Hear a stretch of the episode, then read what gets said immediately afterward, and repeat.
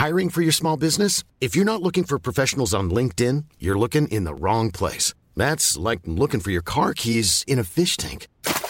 LinkedIn helps you hire professionals you can't find anywhere else, even those who aren't actively searching for a new job but might be open to the perfect role. In a given month, over 70% of LinkedIn users don't even visit other leading job sites. So start looking in the right place. With LinkedIn, you can hire professionals like a professional. Post your free job on linkedin.com slash people today.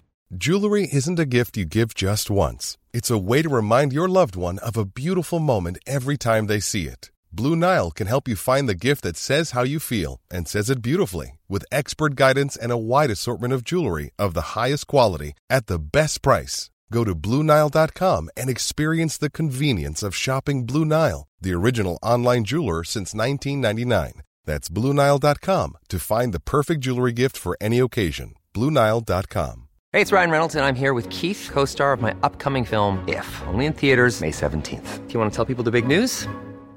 All right, I'll do it. Sign up now and you'll get unlimited for $15 a month in six months of Paramount Plus Essential Plan on us. Mintmobile.com slash switch. Upfront payment of $45 equivalent to $15 per month. Unlimited over 40 gigabytes per month. Face lower speeds. Videos at 480p. Active Mint customers by 531.24 get six months of Paramount Plus Essential Plan. Auto renews after six months. Offer ends May 31st, 2024. Separate Paramount Plus registration required. Terms and conditions apply if rated PG. Vi är denna vecka sponsrade av Indie Beauty. Och Sofie, det här tycker jag är extra fint och extra roligt.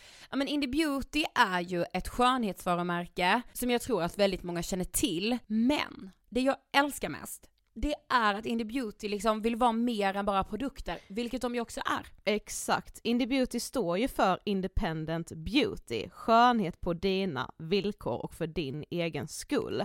Och Indie Beauty tror ju stenhårt på ett alternativt skönhetsideal fritt från måsten, skam och känslor av otillräcklighet. Där är jag helt med Indie Beauty. Jag med. Det är så jag vill att skönhet ska vara. Ja men verkligen. Och vet du vad som är nytt för i år Sofie? Berätta. Från och med i år så skänker Indie Beauty 1% av sin försäljning till Suicide Zero, Tjejzonen och Djurens Rätt. Så när man handlar produkter från Indie Beauty så kan man liksom känna att man också ger tillbaka till samhället. Ja, kraften i tillsammans. Ska jag säga en sak nu då, Mm. som jag, det, men det är detta jag är extra glad över. Nu har Indie Beauty tagit fram en keps och den tycker jag ändå så på sommaren, skydda sig från solen. Jättebra, jag älskar kepsen. Men det bästa, de bidrar till Suicide Zeros viktiga arbete för att minska antalet självmord och självmordsförsök.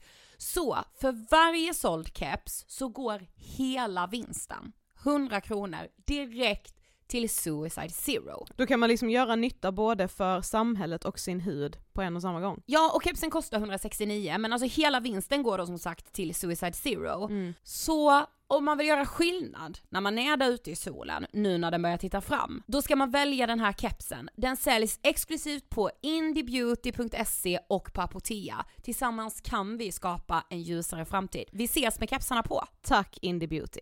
Vi är sponsrade av Mindler och som ni säkert vet sedan tidigare så är vi ju ute på psykologresan tillsammans. Men hur vet man egentligen när det är dags att söka hjälp? Ibland uppstår saker i livet som kommer utmana oss och kännas tufft.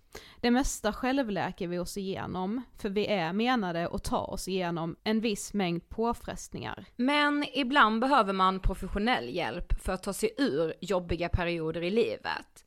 Men vart går då gränsen? Vad är en del av livets skavighet och när är det läge att söka hjälp? Det sägs till exempel att stress är farligt, men att det också kan vara bra. Alla sover dåligt ibland, så när har man egentligen sömnproblem? Ångesten kommer väl krypande för de flesta någon gång. Så när ska man se ångesten som outhärdlig? Hur vet jag? Med oss som psykolog har vi såklart min gamla psykolog Linnea Seidbrant. Men Linnea, vad är egentligen utmattningssyndrom? Utmattningssyndrom är en konsekvens av svår och långvarig stress utan möjlighet till återhämtning. Vi är ju då skapta för att klara av stress, men vi behöver också återhämtning. Om du utsätts för för mycket stress under en lång period utan att du får till den nödvändiga återhämtningen så kommer kroppen till slut att säga ifrån. Och det är faktiskt så att alla har en gräns. Du kan drabbas av en rad fysiska eller psykiska besvär som trötthet, sömnproblem, hjärtklappning, besvär från magen och tarmarna och mycket annat. Och det här är ju då varningssignaler och tecken på att du kan behöva göra någonting åt din situation. Annars så kan besvären utvecklas till att du mår så dåligt på sikt att du blir psykiskt och fysiskt utmattad. Ladda ner Mindler till din telefon och läs mer på mindler.se.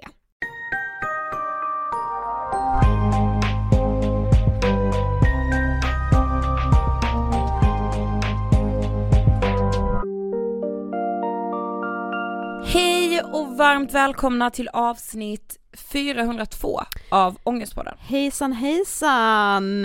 Jag tycker att världen känns jättehemsk just nu. Jag vet. Alltså det är sjukt, jag kommer att tänka på det för att jag förra sommaren satt och pratade med en kompis eh, och då var det det här, du vet förra sommaren när det brann i något hav. Gud jag kommer inte ihåg det här men det var, alltså det brann i havet någonstans, det var Mm. helt sjukt. Men och då var vi såhär bara, alltså det känns verkligen som att vi kommer ha en tid framför oss och då var det ju så här pandemi fortfarande och liksom så. Och bara, det känns verkligen som att vi kommer ha en tid framöver nu där allt kommer kännas så jävla hopplöst. Alltså, Och även om det redan där och då kändes hopplöst så kunde man inte föreställa sig att vi skulle sitta här ett och ett halvt år senare med krig i vårt närområde, fruktansvärda upplopp Iran och ja alltså de är ju bra att det händer men det som de Ja. demonstranterna blir utsatta för. Ja. Mm. eh, nej alltså det, det är mycket som är jobbigt. ja men alltså så pandemin känns så fjuttig Ja. nu. Verkligen, Alltså verkligen. när man liksom så, alltså när jag Sen var När ju jag inte den fjuttig för alla som blev drabbade Nej men det verkligen inte, verkligen inte men jag menar så här när jag liksom ser att de gräver upp massgravar i Ukraina Mm. eh, för liksom eh, det som Putin utsätter liksom de ukrainska medborgarna för. Mm. Alltså det är så jävla bottenlöst. Nej men jag trodde typ så här, alltså pandemin var ju jättejobbig och fruktansvärd när den slog till och allt kändes hopplöst då också. Men jag tänkte ändå så här att är det någonting pandemin kommer ge oss så är det mer medmänsklighet och det känns fan som att det bara har blivit raka motsatsen. Mm. Och sen liksom, alltså de här kvinnorna som offrar sina liv. Alltså Ja. studenter i Teheran som liksom, alltså som blir skjutna, som, nej men alltså det, vad är det som sker? Ja. Nej men man blir ju så jävla förfärad när det var så här, men när det var pandemi, det var ett virus som liksom vi, som, en, som stod över mänskligheten, som vi inte kunde liksom göra något åt i början. Mm. Men det här är liksom så det här är mänskligheten som utsätter mänskligheten Mm. för de här brutala sakerna och det blir så här, ah så jävla onödigt, alltså, Mm. ja det är hemskt. Eh, men jag, alltså vi vill bara uppmana er att hålla er uppdaterade om liksom, ja men allt ifrån kriget till det som händer i Iran. Det är ju, alltså båda sakerna är ju krig. Kriget i Ukraina Mm. men också det krig som kvinnorna just nu utkämpar. Mm, För sin egen existens och eh, frihet. mm, Ja, vi ska försöka i alla fall göra ett avsnitt om eh, det som händer i Iran för det känns eh, så enormt viktigt. mm, Det kommer helt enkelt. Yes. Idag har vi ju också ett enormt viktigt avsnitt. Ja, och det är samtidigt så fint. Alltså, idag har vi med oss Gunvor och vi pratar om arbetsplatsmobbning. Eller Ja. alltså egentligen vuxenmobbning. Ja. För det Så- handlar ju om när vuxna människor mobbar. Så man också tänker att så, hur kan det existera? Ja. Alltså så här, mobbning i alla dess former är ju vidrig och alltså barn som mobbar så Nej, det, att det går så många barn till skolan som vet att så här, det här är bara ännu en dag när jag kommer bli utsatt och utfryst. Det är fruktansvärt men någonstans är man ändå så här att alla barn inte förstår konsekvenserna av Exakt. vad mobbning faktiskt kan göra med en människa. Eh, och så här, det kan leda till döden liksom. Men att vuxna människor inte har det konsekvenstänket, det är ju bara ondska. Det är alltså det är så jävla dumt så att jag vet inte ens, jag finner typ inte ord. Och vi hittade ju Gunvor genom hennes eh, sommarprat som hon gjorde eh, i Finlands Yle Vega som det kallas då. Det är liksom ett radioprogram som sänds varje sommar. Mm. Eh, och alltså bara att liksom höra hennes berättelse där var ju väldigt stark, men att också få träffa Gunvor. Alltså den mest färgsprakande Nej, alltså- kvinna jag någonsin har träffat. Sofia att hon har varit utsatt för arbetsplatsmobbning, alltså det är Ja. så hjärtskärande. Ja. Den här underbara kvinnan som Ja. vi fick sitta ner med. Ja men också att man fattar att så här, när, det, när skillnaden mellan barn som mobbar och vuxna som mobbar tror jag ändå är att vuxenmobbning ofta handlar om någon form av avundsjuka, eh, maktmissbruk, det kan det ju göra för barn också men det behöver inte alltid ha de grunderna typ. Men vuxna liksom som inte kan hantera sin egen avundsjuka och typ missnöje över sitt egna liv Mm. som måste ta ut det på någon annan som verkar trivas bra på sitt jobb och gör sitt Mm. jobb jävligt bra, då måste man liksom trycka ner på något sätt för att själv känna sig duktig, jag vet inte men det verkar ju ha varit så i det här fallet. Ja, vi rullar intervjun med Gunvor. Varsågoda! Hej Gunvor och varmt välkommen till Ångestpodden! Tack så mycket! Det är jättefint att ha dig här. Men du ska få berätta för de som inte vet, vem är du? Jag heter Gunvor eh, Sarelin Sjöblom i efternamn. Eh, jag är en kvinna. jag har en lång arbetsera bakom mig. Eh, nu är jag eh, entledigad från eh, arbete och entledigad lite tid i förtid eftersom eh, jag hade en lång serie med arbetsplatsmobbningsfaser eh, under den sista tiden. Så att eh, jag är nu pensionist Mm. och optimist, konstnär. Jag har skrivit tre böcker. Jag är mormor. Jag är fru. Men framförallt så är jag ett självständigt barn. Och också väldigt, väldigt färgstark måste jag säga. Ja, det är var du. otroligt när du kom in här. Jag gillar färger. Ja, men vad tänker du på när du hör ordet ångest? Ångest det är det som man upplever när man inte kan göra någonting åt en situation.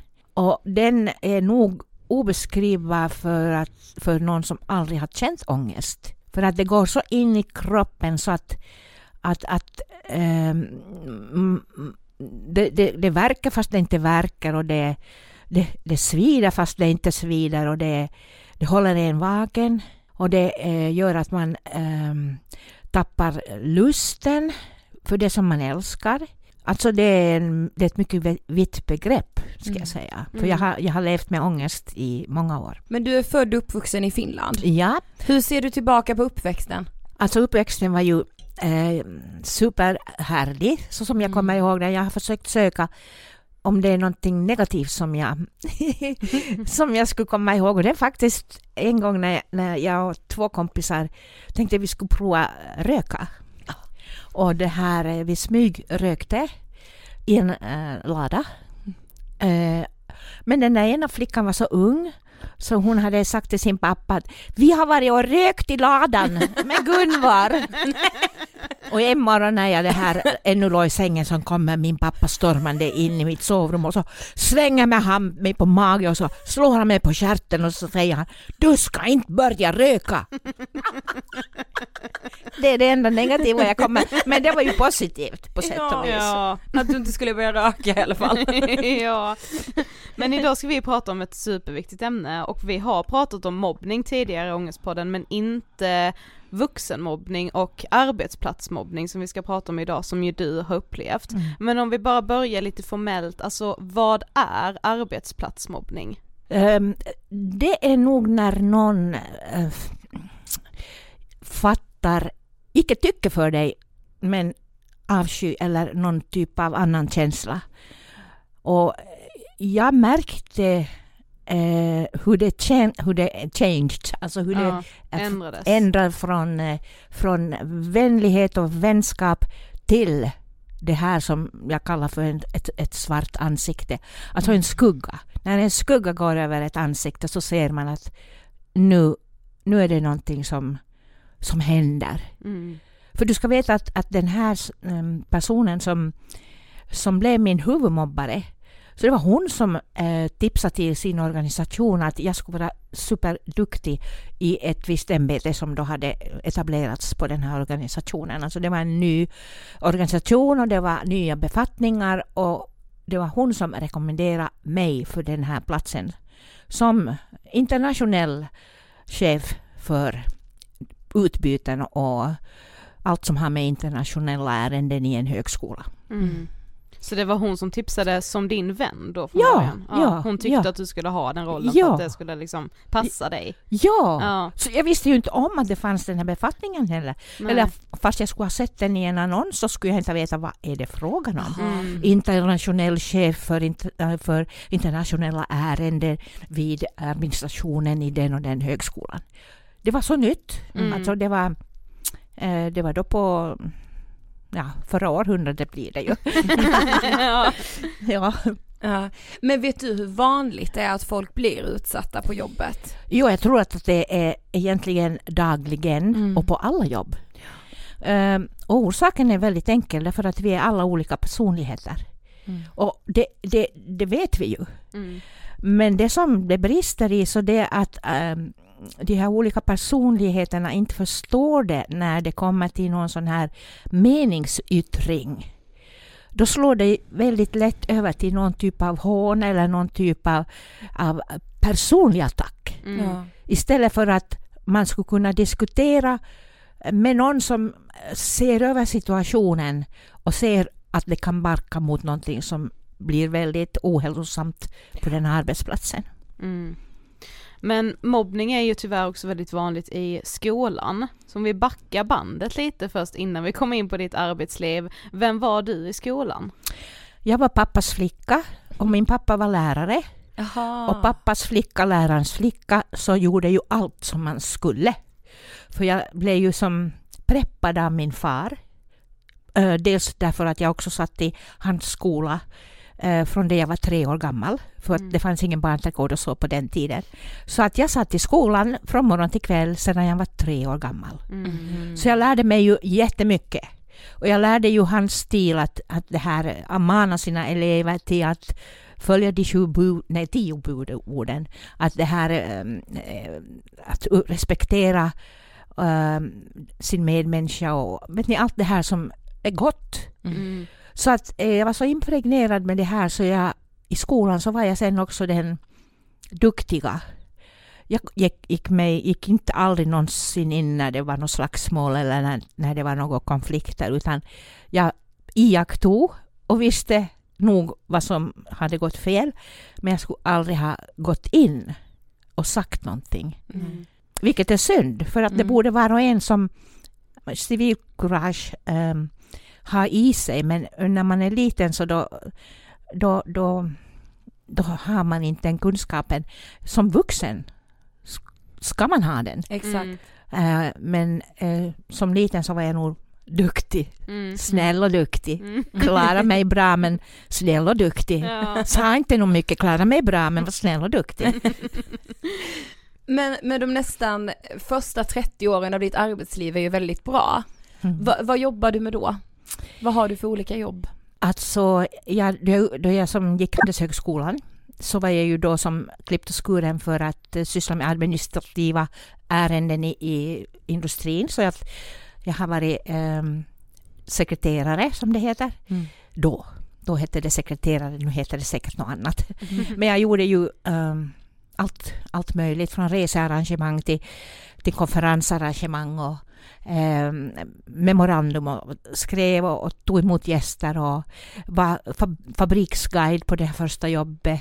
Eh, eh, sedan så det här i misstag kom jag in på skolbanan och det var så att verkställande direktören på det här företaget, UPM heter det idag, så eh, hade träff med, med rektorn i ett gymnasium som frågade att har ni någon som talar franska där på fabriken? Mm. Och så sa eh, vdn jo, jo, det har vi. Och då undrar rektorn att kan, kan ni låna den här franska talande till gymnasiet för vi skulle introducera franska språket i, i skolan. Och då lovade han mig att jag kunde köra in till stan, till centrum. Eh, då var det tre eller fyra gånger i veckan. Och undervisa franska mitt på arbetstid. Jaha. Och jag tyckte det var jätteroligt. Ja. Så jag sa upp mig.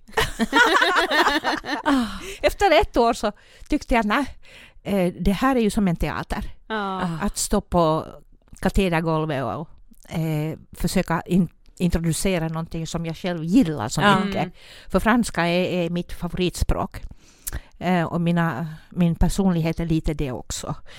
Eh, fast jag är snäll och duktig, lärarens flicka. När jag hade här via musiken, fransk musik, eh, blivit att älska, älska språket och den franska kulturen. Mm. Alldeles otroligt. Så det, då sa jag upp mig och jag ska säga att på den tiden var det faktiskt inte vanligt Nej. Att man sa upp sig från en stadigvarande tjänst. Nej. Mm. Men så det är då när du jobbar inom skolan som mobbningen liksom bryter ut? Eh, Ja, alltså mm, det var inte i den här skolan utan det blev många grejer däremellan därför att jag och min man flyttade som eh, diplomater till USA Mhm. på fyra år. Och eh, jag, då, då hade jag också fått två barn och sagt upp mig från, från det jobb som jag hade innan. För jag tänkte jag ska bli en god mamma. Mm. Mm. Eh, så jag hade sagt upp mig faktiskt från, från jobben för att jag tänkte att jag ska vara hemma tills de är i skolåldern. Och däremellan så får vi då till USA och var fyra år eh, i Houston, Texas. Mm. Och mm, det var också en, en väldigt aktiv tid. Ehm, så sen när jag kom tillbaka så då var jag eh, arbetslös. Eller jag hade inget jobb. Jag hade som nog begärt arbets... Vad heter det? Ledighet. Eh, men eftersom det blev fyra år så då förfall, förföll den, den arbetsledigheten förstås. Man Mm. kan inte vara arbetsledig fyra år. Men jag, var, jag hade inget jobb när jag kom tillbaka men jag blev genast tillfrågad att, att komma och jobba på Handelskammaren. Det var en stor mässa som skulle arrangeras. Och sedan blev jag tipsad om det här jobbet Mm. som jag inte visste A och Ö om Mm. helt enkelt. Eh, jag sökte det och det var väldigt mycket sökande och jag blev också kallad till intervju. Eh, och den intervjun så har jag skrattat åt många gånger efteråt därför att jag fick brosch- den här broschyren, skolans broschyr att, att titta igenom. Jag hade tio minuter på mig. Ja. Och sedan så skulle jag presentera den här skolan på fem språk. För jag hade ju uppgett i min CV att jag talar fem språk, vilket Ja. jag gjorde. Men att, att lära sig ett lära En sig från en broschyr, Oj, oj, om, oj, om en ja. skola, eh, högskola förstås, men i alla fall så eh, jag satt och bläddrade och sen så gjorde jag så här lite improviserande bläddra och så tog jag svenska, tog jag finska, tog jag engelska, tog jag tyska och franska. Eh, och jag fick den där tjänsten. Men till saken hör att de här som satt och lyssnade på mig så förstod varken franska, lite engelska och lite, lite, lite svenska. Så att lite, lite tyska kunde en och förstås finska, för det var en finskspråkig högskola. Du kunde säga vad som helst igen. Ja, jag kunde ha gjort det! Ja. Tänk att jag inte utnyttjade den situationen. Ja. Men, men det liksom 28 året av ditt arbetsliv så händer det någonting. Du fick studieledigt ett halvår. Jo, alltså jag hade, jag hade då kommit in i högskolan Mm. och då krävdes det att jag skulle eh, komplettera min magisterexamen. Eh, det, det är sådana formaliteter, att man är formellt kompetent eller icke formellt kompetent för att göra mig formellt kompetent Mm. för att också få de här lönegraderna Ja, som ja, hör till just den typen av tjänst så måste jag som studera det, det, här halvåret. Ja. Eh, Jag hade ju börjat jobba redan och jag fick ju när jag anställdes så fick jag ju en sån här deadline när jag senast måste ha min formella kompetens. Ja. Så jag visste om det hela tiden. Men jag fick ju så mycket jobb också. Jag fick så mycket... Alltså jag bara... Det jobb, jag jobbade, jobbade, jobbade, jobbade, jobbade. Och sen så eh, började det närma sig den här deadlinen och jag tänkte äh, nu är det bara att sätta eh, en, en paus i kalendern. Eh, bestämma när man ska vara borta för att det går inte bort det här att inte bli formellt kompetent. Nej. Så eh, då bestämde jag mig då, det var en höst, eh, då jag bestämde att nu sex månader framåt. Och då var det ju fråga om att skriva en magistersavhandling, för jag hade den kvar. Så Mhm. man brukar ju som lämna den till sist. Mm. Och min avhandling var, var inte skriven. Och att skriva en avhandling på ett halvt år, det är också eh, en utmaning. Ja. Men jag visste att jag klarade det om jag jobbar, jobbar, jobbar, jobbar. Så att det här som, han, eh, som då hände under min studieledighet, så det var en stor eh, faktor av ångest Mm. också. Mm. Men vad är det då som händer under den här eh, studieledigheten? Den här goda vännen som eh, ursprungligen tipsade mig till det här jobbet, så hon hade meddelat högsta chefen att, att jag, kan jobb, jag kan ta hennes jobb medan hon är borta. För det blev ju som då också annonserat i högskolan att jag kommer att vara borta då till då. Mm. Mm. Så hon äh, volunteered, alltså frivilligt anmälde att hon, hon kan ta mitt jobb. Och så hade hon sagt åt några av mina kollegor där att ja, det där jobbet så kan jag ju göra med lillfingret. För hon hade då pedagogiska uppgifter där eh, inom samma organisation. Eh, vilket jag tyckte att var ganska lite skojigt. Eh, för att mitt jobb var ju inte 8-4 utan just i och med att jag hade kontakt med hela världen, alltså Mm. från Kanada till Australien, så betyder det att mina arbetstider hade ingenting att göra med mina Nej. samarbetspartners. Då måste man ju också anpassa sig efter deras tider om man ska ha Absolut. samtal och möten. Alltså, Absolut, så Ja. jag har till och med suttit och jobbat på midsommarafton mm. eftersom det var Kanada som inte känner till något midsommarafton överhuvudtaget. Så att mitt jobb var nog inte 8 till 4 men eh, det var ju bra att någon skulle så att säga ta över. Det Mm. tyckte jag var jätteschysst. Men ändå lite så förminskande att säga att men, hennes jobb kan jag ta på mig under tiden för att Ja. det är ändå så enkelt. Ja, Ja, ja det var det. ja. Ja. Men, men du får samtal av din, om, av din kollega under ledigheten va?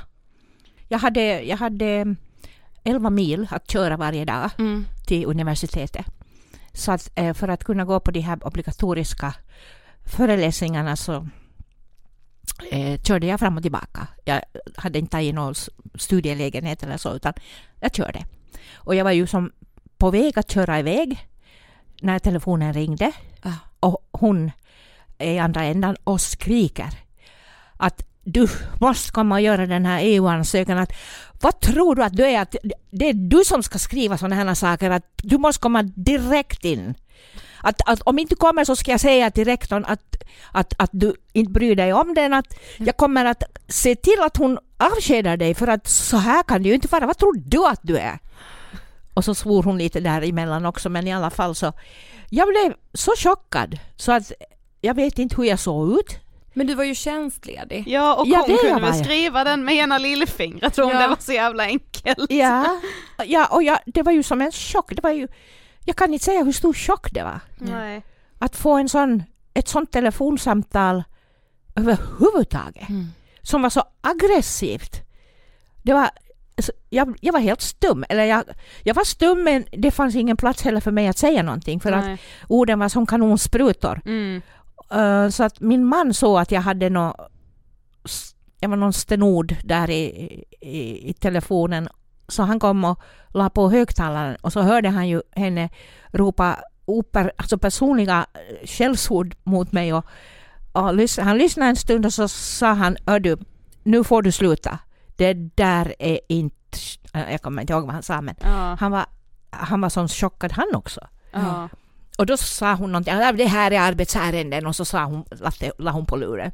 Men det var absolut inte arbetsärenden för att det gick till min person Ja. så ordentligt så att, att, att det är liksom, jag, jag, jag, jag, jag blev liksom en annan människa efter det. Mm. Och jag, jag kommer ännu ihåg att jag inte kommer ihåg någonting från när jag körde de här 11 milen till mitt universitet den morgonen. Mm. Jag körde som i dvala. Mm. Så att jag kommer ännu ihåg en bro där jag, oj, jag kör. Där jag eh, s- så att säga svänger upp så jag skulle komma över den där bron. Den var Mm. nog bred men jag menar jag satt så eh, i, i någon typ av psykos. Ja. Men du skriver ändå den här EU-ansökan som kollegan har ringt och gapat om.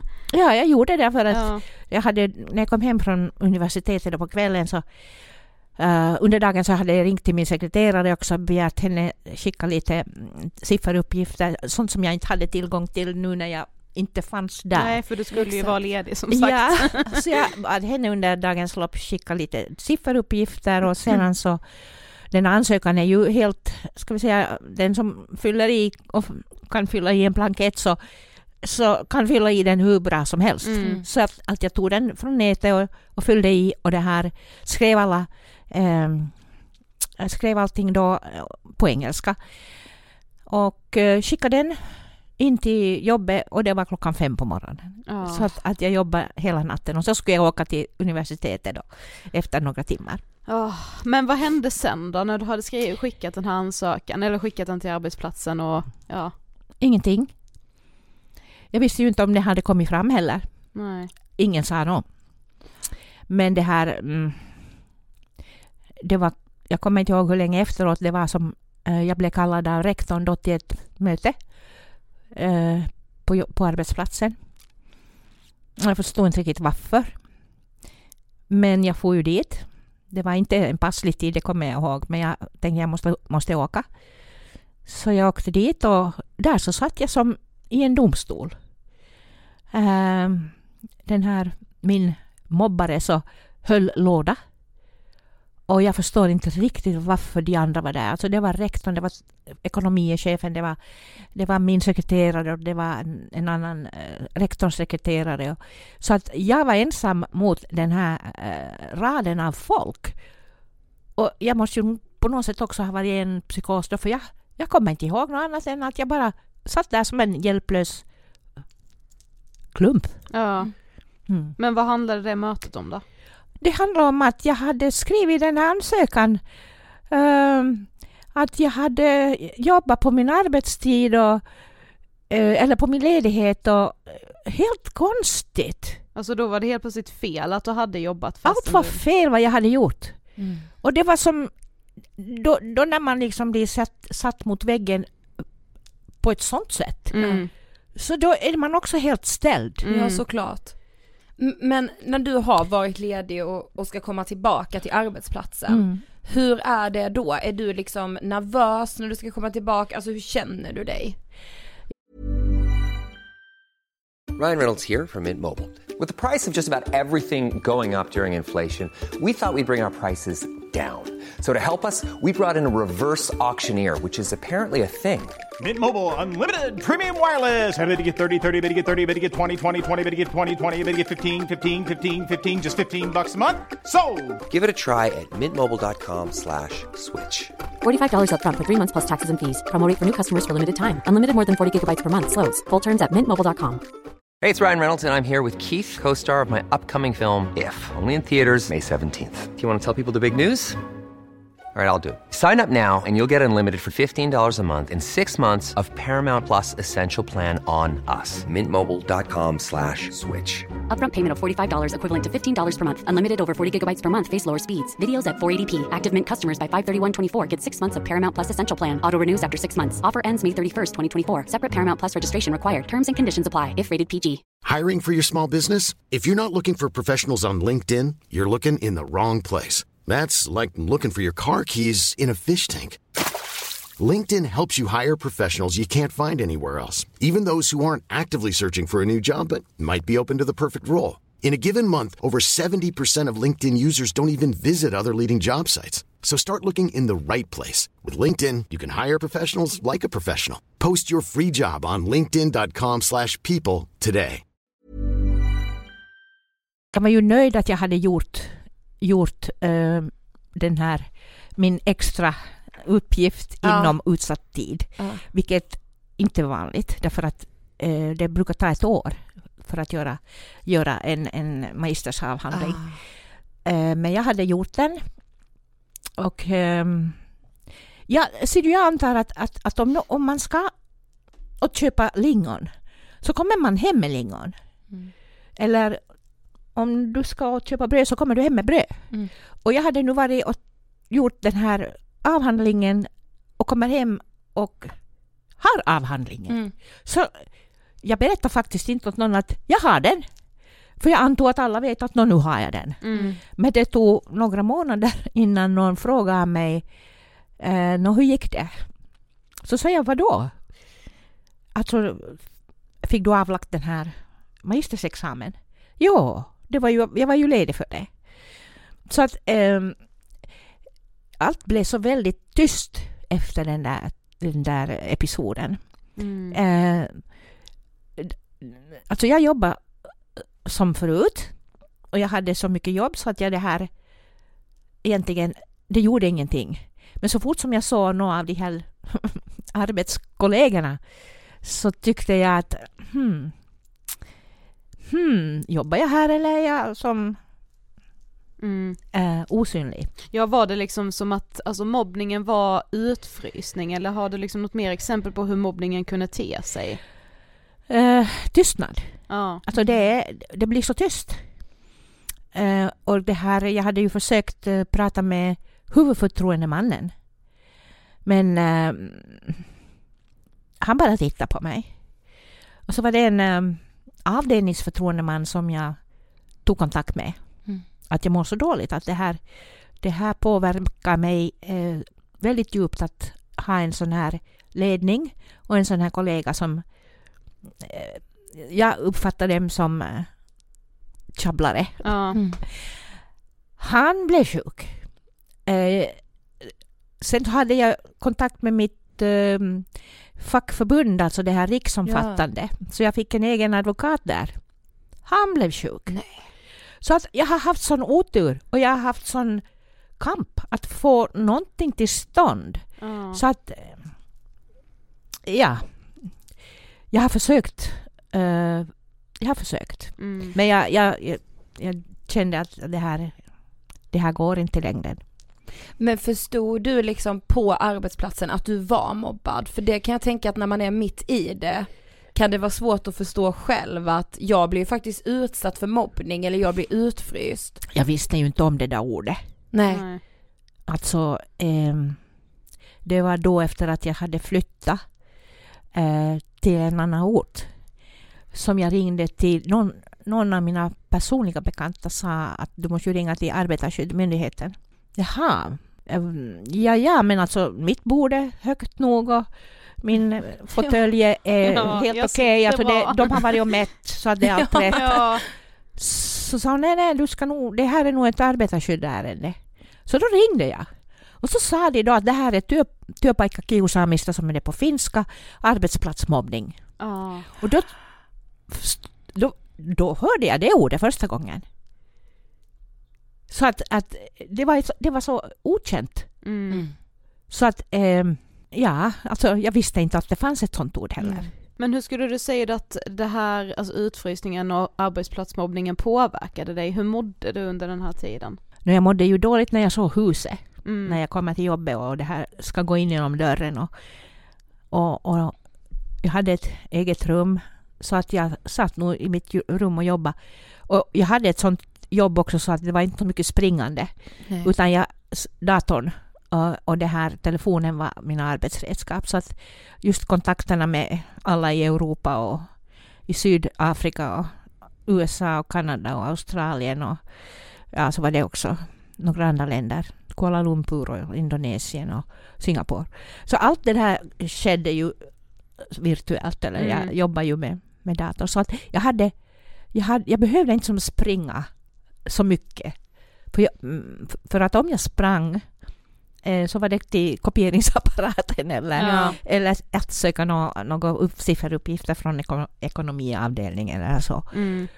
Um, men det här när jag, när jag så att säga konfronterades i förbifarten med vissa personer där så jag rös. Alltså det, det, det är en sån här klump som kommer över en som mm. man liksom vill, vill rygga tillbaka och falla, falla genom marken. Mm. Ja, det, det är konstigt. Det är en konstig känsla. Mm. mm. Men jag tänker också, vad hade du för tankar om dig själv? Alltså påverkade det dig så att du fick sämre självkänsla? Liksom hur såg du på dig själv? Jag hade så mycket goda kontakter, eh, alltså mina arbets, utlän, utländska arbets Mm. kollegor och också mina kollegor i, i Finland. Alltså varje högskola har ju en chef för internationella verksamheter. Och, eh, inom det nätverket så jobbar jag ganska aktivt.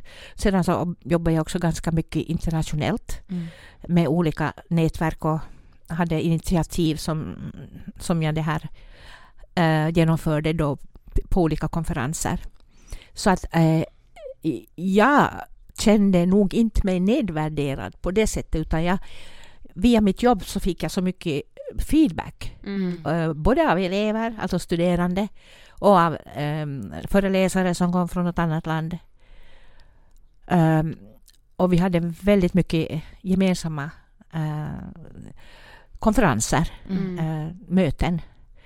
Så att jag var inblandad i, i, i alltså affärsengelska grupper i, i Europa och så vidare. Alltså det var Mm. många sådana här ska vi säga fack eh, grupper, alltså när man har ett gemensamt ämne som man jobbar med och det är då nationellt, internationellt Mm. Eller globalt till och Mm. med. Men i ditt sommartal så sa du, du sa ju väldigt mycket bra saker, men bland annat att så ett tvivel är ett mäktigt verktyg. Mm. Vad menar du med det? Här, man, om man lyssnar på, på prat i, i allmänhet så där, utan att känna folk så, så det här kan man ofta då höra att nej, att hon är så ball eller hon är, säger något negativt ord. Hon är så jobbig Ja, eller dålig. Just det, eller? Ja. just det. Bara det så är ett tvivel som man sår i en konversation. Det måste ju finnas en rök där. För det finns ingen rök utan eld. eller Det måste Exakt. finnas en Mm. eld. Ja. Ja. Ja. Så att, att, att just det här hur man pratar i vardagliga sammanhang. Det må då vara kamrater eller arbetsgemenskaper eller familj Mm. så kan eh, betyda väldigt mycket. Och det behöver bara vara ett ord. Så om det ordet på något sätt fastnar och det inte är som den andra uppfattar, det är inte ett gott ord, Mm. då lever det kvar. Jag fick höra så många gånger. Ja, det är hur du uppfattar det hela. Eh, och det var också på något sätt ett slag i ansiktet för att om man får en kram så uppfattar man det nog som en kram, inte att någon försöker strypa en. Nej. Mm. Eller om man får en klapp på kinden så uppfattar man det som en klapp och inte en örfil. Mm. Så att ideligen så försökte folk som kommer med undanflykter och säga ja men du uppfattar det så. Ja, typ som om du försökte förklara att du kände dig utfryst så var Mm. det med din uppfattning Ja. än sanningen. Ja, så det Ja, där ordet uppfatta har jag liksom, jag hatar det ordet. Mm. Det blir så nedvärderande också, att så, Mm. ja men det är du som känner så, men Ja. det är inte sanningen. Så, ja. alltså, absolut. Ja. Men, ah, gud, men var det liksom, alltså fanns det någon på din arbetsplats som du kunde vända dig till? Eller var det som att den här då främsta mobbaren tillsammans med de andra, alltså de var ett team och du var själv? Jag hade ingen. Men du höll ju ut i tio år i Mm. den här hemska mobbningen och utfrysningen. Eh, vad hände med dig under den här tiden skulle du säga? Jag, jag tänker tio år är så lång tid. Ja. Mm, mm. Ja, jag blev ju nog lite så här som en enstöring. Mm. Eh, jag jobbar på så egentligen så det, det var min terapi. Mm. Det märks att det fortfarande är jättejobbigt att prata om jag, Ja. det är så fint Jag blir och bra så att du är här. Jag, jag vill bara krama dig. Ja. Det jag tänker också och jag tror att liksom många som lyssnar på det här, att man tänker att nej men jag skulle aldrig vara med och bidra till något sånt här eller nej jag skulle säga ifrån. Men alltså upplevde du det, eller har du i efterhand fått någon ursäkt? Har du fått någon som hört av sig till dig och, och sagt så här, åh jag förstår inte att det var så här, eller jag blev en medlöpare, alltså ingenting. Nej. Men eh, kände du att du kunde vända dig till vården eller liksom pratade du med någon som inte var en del av skolan om det här? Arbetshälsovården. Ja, Mm. och hur hanterade de situationen? Jag fick sjukledigt. Men till slut blir ju du 58 år gammal då va? Ja. Sjukpensionär. ja. Eh, hur går hela den processen till? Um, det för, alltså jag, jag tog um, alterneringsledighet ehm, efter att jag hade så att säga gått ut från arbetsplatsen. Jag hade ju då förberett det också.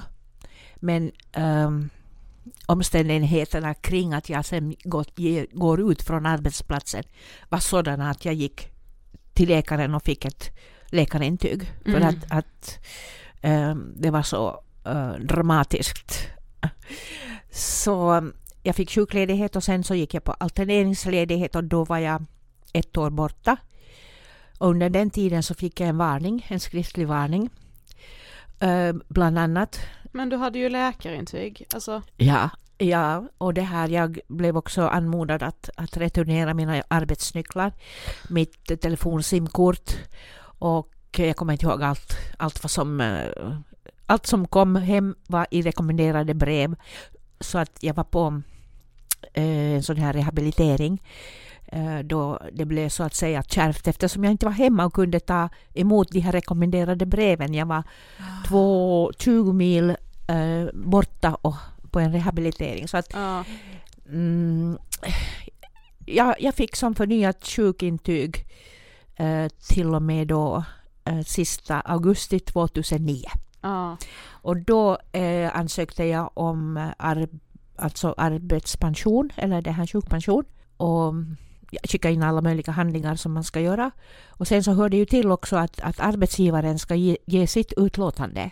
Mm. Så när jag fick retroaktivt min sjukpension så tog jag kontakt och frågade men har, ut, har det här eh, arbetsgivarens uttalande kommit? så sa de att nej, vi, vi frågar inte ut äh, arbetsgivaren alls. Okay. Ah. Så att, att jag förstod att på basen av alla dokument som jag hade jag hade ju skrivit upp och räknat upp allt möjligt också som hade hänt så att jag fick så att säga utan arbetsgivarens utlåtande sjukpension från Ja, ah, de godtog det ändå. Liksom. Ja. Ah. Och det var jätteskönt. Ja. Mm. Ja men hur kändes det att liksom, ja men hur kändes det att gå i förtidspension? Ja det var det enda, enda möjliga. Det var så? Mm. Mm. Mm. Men vad liksom hade vården sagt, alltså när du sökte dig då och du fick ändå det här sjukintyget, vad var liksom, och vad var det för rehabilitering du var på? Var det liksom att kroppen var så fysiskt, alltså nedsatt efter all den här mobbningen eller liksom? Ja alltså det var terapi. Ja. Mm det var terapi. Mm. Och det sökte jag själv. Så att, att eh, det var en av de läkare som jag gick till som skrev ut en sån här um, rehabilitering för att förbättra arbets... Uh, vad heter det? Uh, att förbättra arbetsförmåga. Ja. Mm. Mm.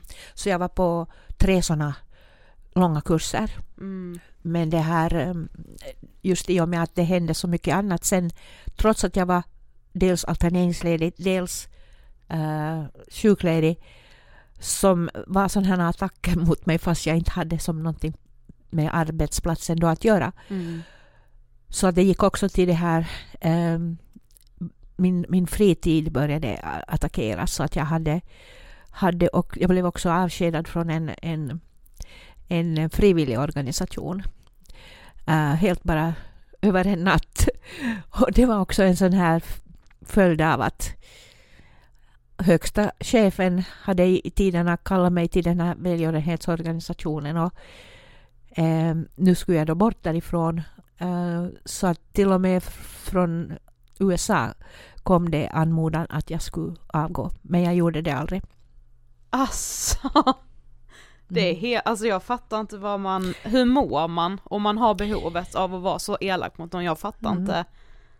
Så att eh, jag har ju skrivit mina böcker om, om terapi också. Ja. Så att den första skrev jag och kom, den kom ut 2010. Och det var då eh, om mobbslinkor. Mm. Så det där ordet är mitt ord. Mobbslinka, det är en kvinnlig eh, mobbare som kommer undan. Mm. Ja.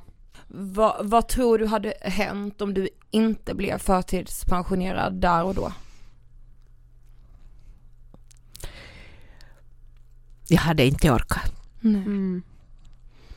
Men det är såklart en jättesvår fråga att svara på och du nämnde det här med så kvinnliga mobbare som kommer undan. kanske också kvinnliga vuxna mobbare som kommer undan. Men hur ska man liksom komma åt arbetsplatsmobbning? Vad tänker du, hur liksom, hur tar vi koll på det? Ja, no, ska vi säga så att, att det här arbetarskyddsombuden som finns på en arbetsplats, så de har ju egentligen ingen utbildning. Uh, de är ju tillsatta för att det ska finnas. Ja. Uh, så att det är nummer ett. Sedan nummer två, om man det här då blir anmodad om att, att ta en utomstående konsult för att uh, uh, alltså checka arbetsplatsen och förbättra arbetsklimatet på en arbetsplats. Så den här utomstående konsulten borde vara betald av någon annan organisation än den egna organisationen. Mm, ja.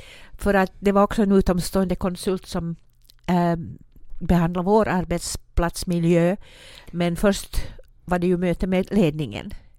Så att den här, mm, det har att göra med den här mm, fortsättningen av mitt fall som ledde till att mina ar tidigare arbetskollegor blev utsatta som grupp. Så att eh, konsulten hade i förväg eh, blivit tipsad om vem som är den besvärliga eller vem som ja. Mm. sätter emot.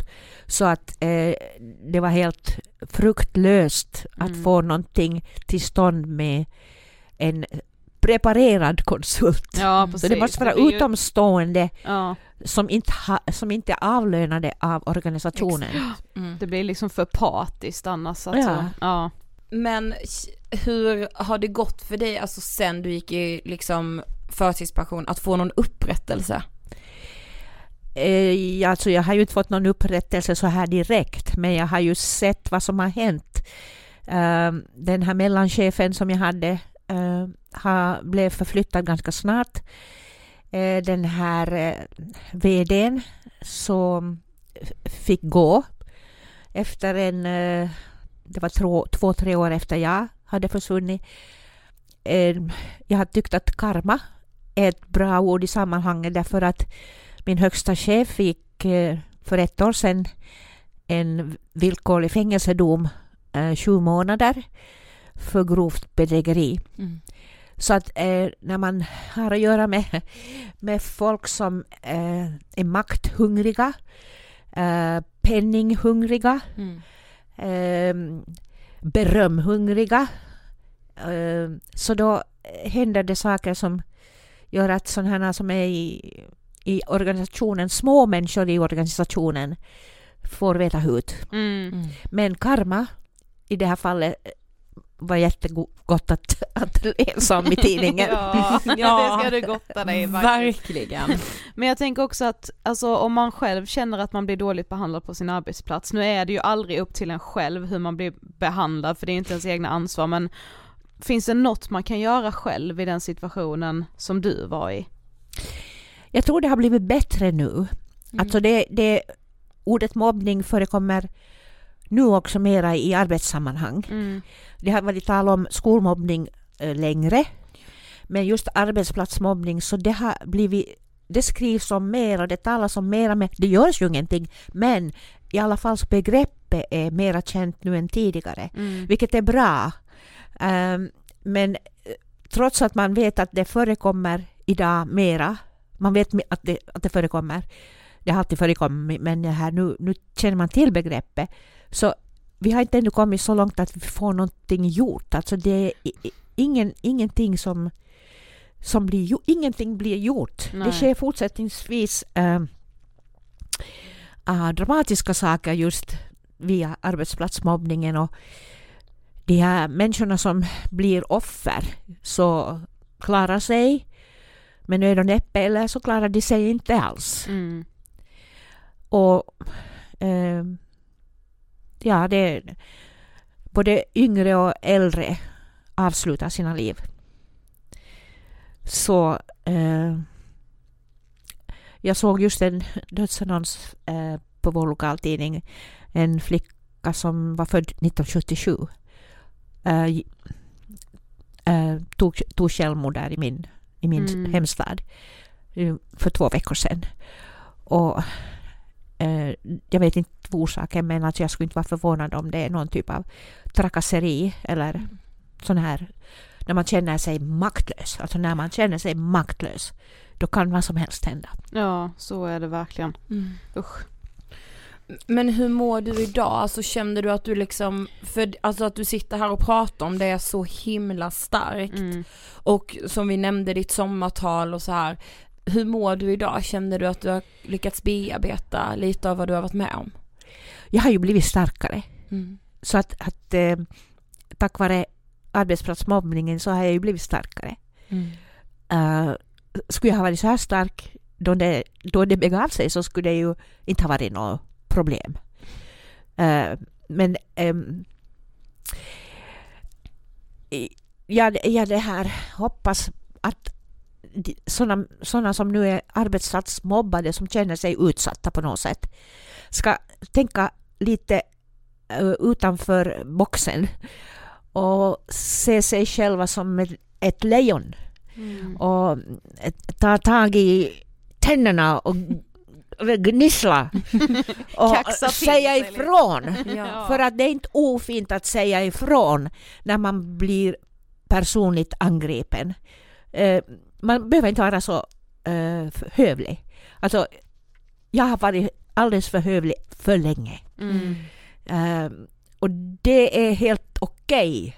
Men går någon på en så ska man kunna vara det där lejonet som, som ryter till. Det är jättesvårt att ändra på sin personlighet men det är nog ett av lösningarna till att, att ställa, ställa, ställa om någon till exempel säger någonting sånt här fult rakt till dig Mm. så du måste ju inte må bra då just nu om du säger någonting otäckt till mig mm. personligen. Så då måste man ha lite över sig och säga kanske Hör du, är allt okej nu med dig? Ja. Mm. är det någonting som, som du är ledsen över eller Mm. eh, har du stigit upp på fel sida Mm. av, av sängen eller för att eh, om man är bara tyst och låter det komma så då kommer det mer. Ja, det var så himla fint att ha dig här. Men vi har kommit till sista frågan. Vad inspirerar dig? Inspirera mig i, I i, livet? livet. Eller kanske i din konst? Ja, den. Eh, sen så har jag mina eh, små diamanter. Ja. En är snart ett år, en är tre år och en är åtta år. Ah. Det är Filippa, Rufus och Ofelia. Mm. Och det är ju fantastiska människobegynnelser ja. som eh, tycker om Mommo helt 100 procent och vill vara med Mommo och Muffa och, eller mormor och morfar som man säger i Sverige. Ja. och som eh, ja, ansiktet lyser upp när eh, den här damen, tanten, kommer i närheten. ja, mitt med löst Ja. upp kan jag säga. Mitt ansikte lyser också upp med dig Gunvor. Ja. Tack så jättemycket för att du ville gästa Ångestpodden. Tack för att jag fick komma hit. Det var Tack. intressant, historiskt. Ja. verkligen. Tack. Tack. Alltså jag tror att man kanske inte kan förstå de här enorma konsekvenserna det blir för en människa att bli utsatt på det här sättet. Ja, att också bli, alltså som Gunvor sa, att det var liksom inte att, det blir ju liksom inte, det är det som också är med vuxenmobbning, att det blir ju liksom inte knuffar i korridoren eller att man inte blir, blir vald på gymnastiken utan det är ju den här tystnaden Mm. som säger alltså mer än en miljon ord. Exakt, men också de här liksom, ja men utfrågningarna och att så här, Mm. Att, att sätta personen i jävligt jobbiga situationer. ja och liksom. att känna så, jag gör fel eller Ja. jag gör, var, varför liksom, jag, att, att känna att man blir synad i sömmarna. Ja, precis. Är det ju på något sjukt sätt. Mm. Men alltså Gunvor, vi är så glada att du kom till Ångestpodden, att vi fick ta del av dig och din Mm. berättelse. Eh, vi är så tacksamma. Och jag tror det är så många vuxna som har själva varit utsatta och som inte Alltså som inte vill erkänna typ att Mm. man har blivit mobbad för att det, det finns en sån jävla skam i det för Ja, att ja. vuxna inte Mm. ska mobba och då Exakt. ska man ju som vuxen inte heller känna sig mobbad för att så här, ja men det blir också som Gunvor sa, det vet jag att jag har pratat med andra också om som är i vuxen ålder som också har känt sig utfrysna eller mobbade på arbetsplatsen att man får ofta till sig att så här, men det är bara din upplevelse av det här eller det, ja det är så du uppfattar det men Ja, så, är det du. inte. Ja, Ja. för som om någon känner att du behandlar mig så här kanske du ska bete dig annorlunda eller? alltså, ja, nej det, det är så sjukt viktigt att prata om det här. Ja, Jag tror väldigt många fler än vad man kan tänka sig kan relatera. verkligen. Så tack så jättemycket Gunvor och tack för att ni har lyssnat. Tack för att ni lyssnar, alltså för att ni gör det varje vecka, det är otroligt. Vi är ju igång med att producera en ny poddserie som Yes. kommer, nej, kommer lite senare än vad ni gjorde förra året. Mm, Eh, men det tycker jag är nice. Eh, jag hoppas att ni är taggade på den. det tror jag. Ja. Vi hörs som vanligt nästa torsdag. Nej men snälla följ oss på Instagram, där heter vi Angestpodden. Ha det bäst! Okej, Hejdå! puss puss puss. Hej.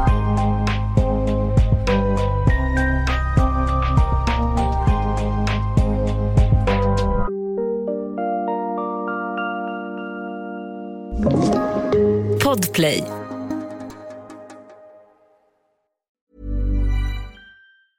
Hi, I'm Daniel, founder of Pretty Litter. Did you know cats tend to hide symptoms of sickness and pain? I learned this the hard way after losing my cat, Gingy. So I created Pretty Litter, a health monitoring litter that helps detect early signs of illness by changing colors, saving you money and potentially your cat's life. Pretty Litter is veterinarian developed, and it's the easiest way to keep tabs on your fur baby's health right at home. Go to prettylitter.com and use code ACAST for 20% off your first order and a free cat toy. Terms and conditions apply. See site for details. Hey, it's Paige DeSorbo from Giggly Squad. High quality fashion without the price tag. Say hello to Quince.